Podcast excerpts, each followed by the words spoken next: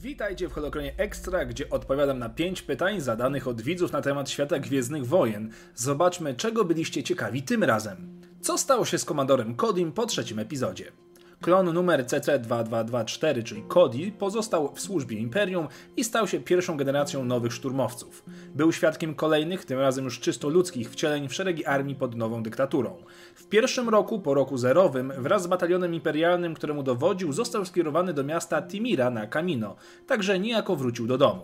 Szkolił tu nowych szturmowców, jedynie po to, by być srogo zawiedzionym marnymi wynikami zwykłych ludzkich kadetów. Niedługo później, z powodu ucieczki klona Starkillera, cały oddział stacjonujący na Timirze został wybity przez rebeliantów. Czy Cody zginął? Dokładnie nie wiadomo, ale najpewniej tak.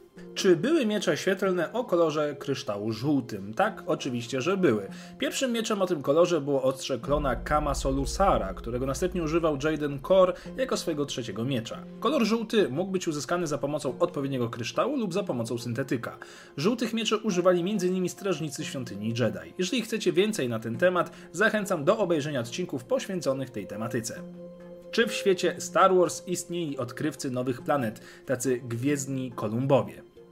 Oj, i to całkiem wielu. Lista poszukiwaczy nowych szlaków gwiezdnych oraz planet jest dość pokaźna.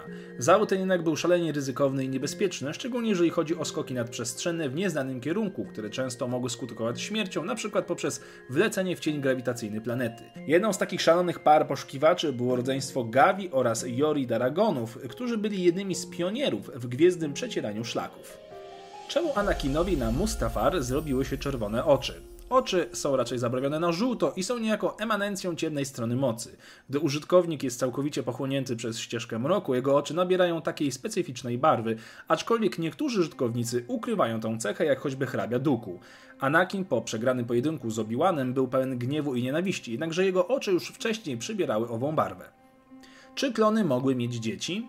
Tak i niech przykładem tu będzie choćby RC1136 Darman Skirata, który doczekał się potomka imieniem Wenku. Narodził się 20 lat przed bitwą o Jawi, natomiast ostatnia wzmianka o nim pojawia się w roku 40 po roku zerowym, także syn klona przeżył ponad 60 lat. Nie ma żadnej informacji o tym, by dzieci klonów miały szybciej się starzeć, co zresztą przypadek Wenku potwierdza, gdyż według tej miary miałby na karku już 120 lat. Dzięki za pytania, zadawajcie kolejne w komentarzach i na fanpage'u, zostawcie suba oraz łapkę w górze i do zobaczenia w kolejnym Holokronie Extra. Niech moc będzie z Wami.